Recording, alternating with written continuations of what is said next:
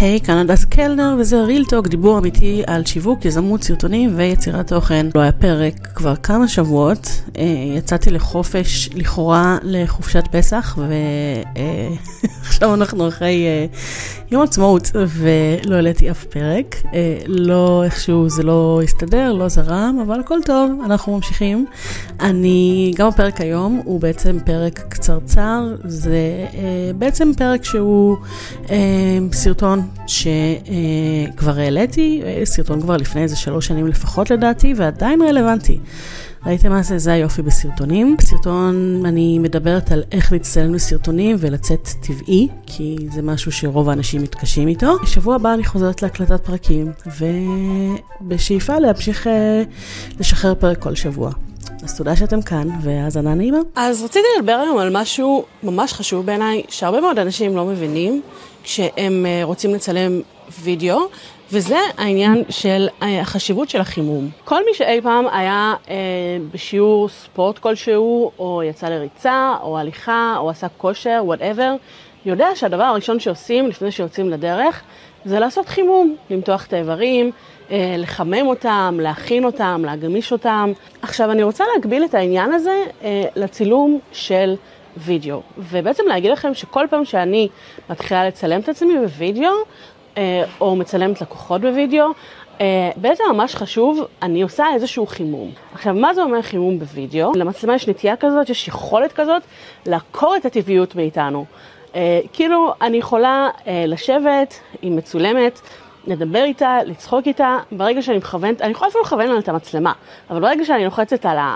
כאילו על הרקורד, זהו, כזה, הכל פתאום נהיה awkward, הכל נהיה נורא מוזר, כאילו את כזה, אה, רגע, אבל מה אני עושה עם הידיים, ומה אני עושה עם זה, וכאילו איך אני מדברת, וגם אני חווה את זה על עצמי, אפילו שיש לי המון אה, ניסיון בדיבור מצלמה, וזה כי זה משהו שהוא לא בא לנו בטבעיות, המצלמה גורמת לנו להיות ממש ממש מודעים לעצמנו. בגלל זה ממש ממש חשוב לעשות חימום לפני שמתחילים אה, לצלם את הסרטון. איך אני עושה חימום לפני שאני מתחילה לצלם סרטון? זה ממש ממש פשוט. אני פשוט לוקחת את המצלמה, אני מכוונת אותה, אה, מסדרת את הפריים, אה, לוחצת על הרקורד, קריטי ללחוץ על הרקורד ושזה לא יהיה כאילו אה, על יבש, ופשוט מתחילה לדבר. אני יכולה לדבר על... אה, מה שאני מתכנת להגיד בסרטון, אני יכולה לדבר על סתם הפרק האחרון שראיתי בסדרה שאני רואה, whatever, לא משנה מה. הנקודה היא לעמוד מול המצלמה ולהתמודד עם, ה, עם התחושה הזאת שהיא נותנת לי, של מי אני, מה אני, להרגיש כמו רובוט, לא לדעת מה להגיד, כל שניה להגיד הם, הם, הם, זה לא נראה טוב, זה לא מראה טוב, נגיד את זה ככה. אבל מה שקורה זה ש... הם, כאילו ככל שאני מדברת, ככל שאני יותר אה, אה, פשוט נותנת לעצמי להיכנס לזה ולדבר, אה, הש, הדיבור שלי משתחרר, אוקיי? אני לאט לאט מתחילה לדבר כמו שצריך, עד שמגיע הרגע שזה כמו כזה, כמו אסימון שנופל, שאני מרגישה, אוקיי, זהו. עכשיו אני מדברת כמו בן אדם, עכשיו אני מדברת כמו שאני אשכרה מדברת, וזה הזמן להתחיל לצלם את הסרטון. יש לזה כמה השפעות ממש חשובות. דבר ראשון, אני נראית הרבה יותר טבעית, כאילו הרבה פעמים אנשים ששמים מול המצלמה, הם פשוט נראים ממש מוזר, כזה, פשוט נראים נורא לחוצים ונורא נוקשים כזה, נורא סטיף, אתם מכירים את הלוק הזה?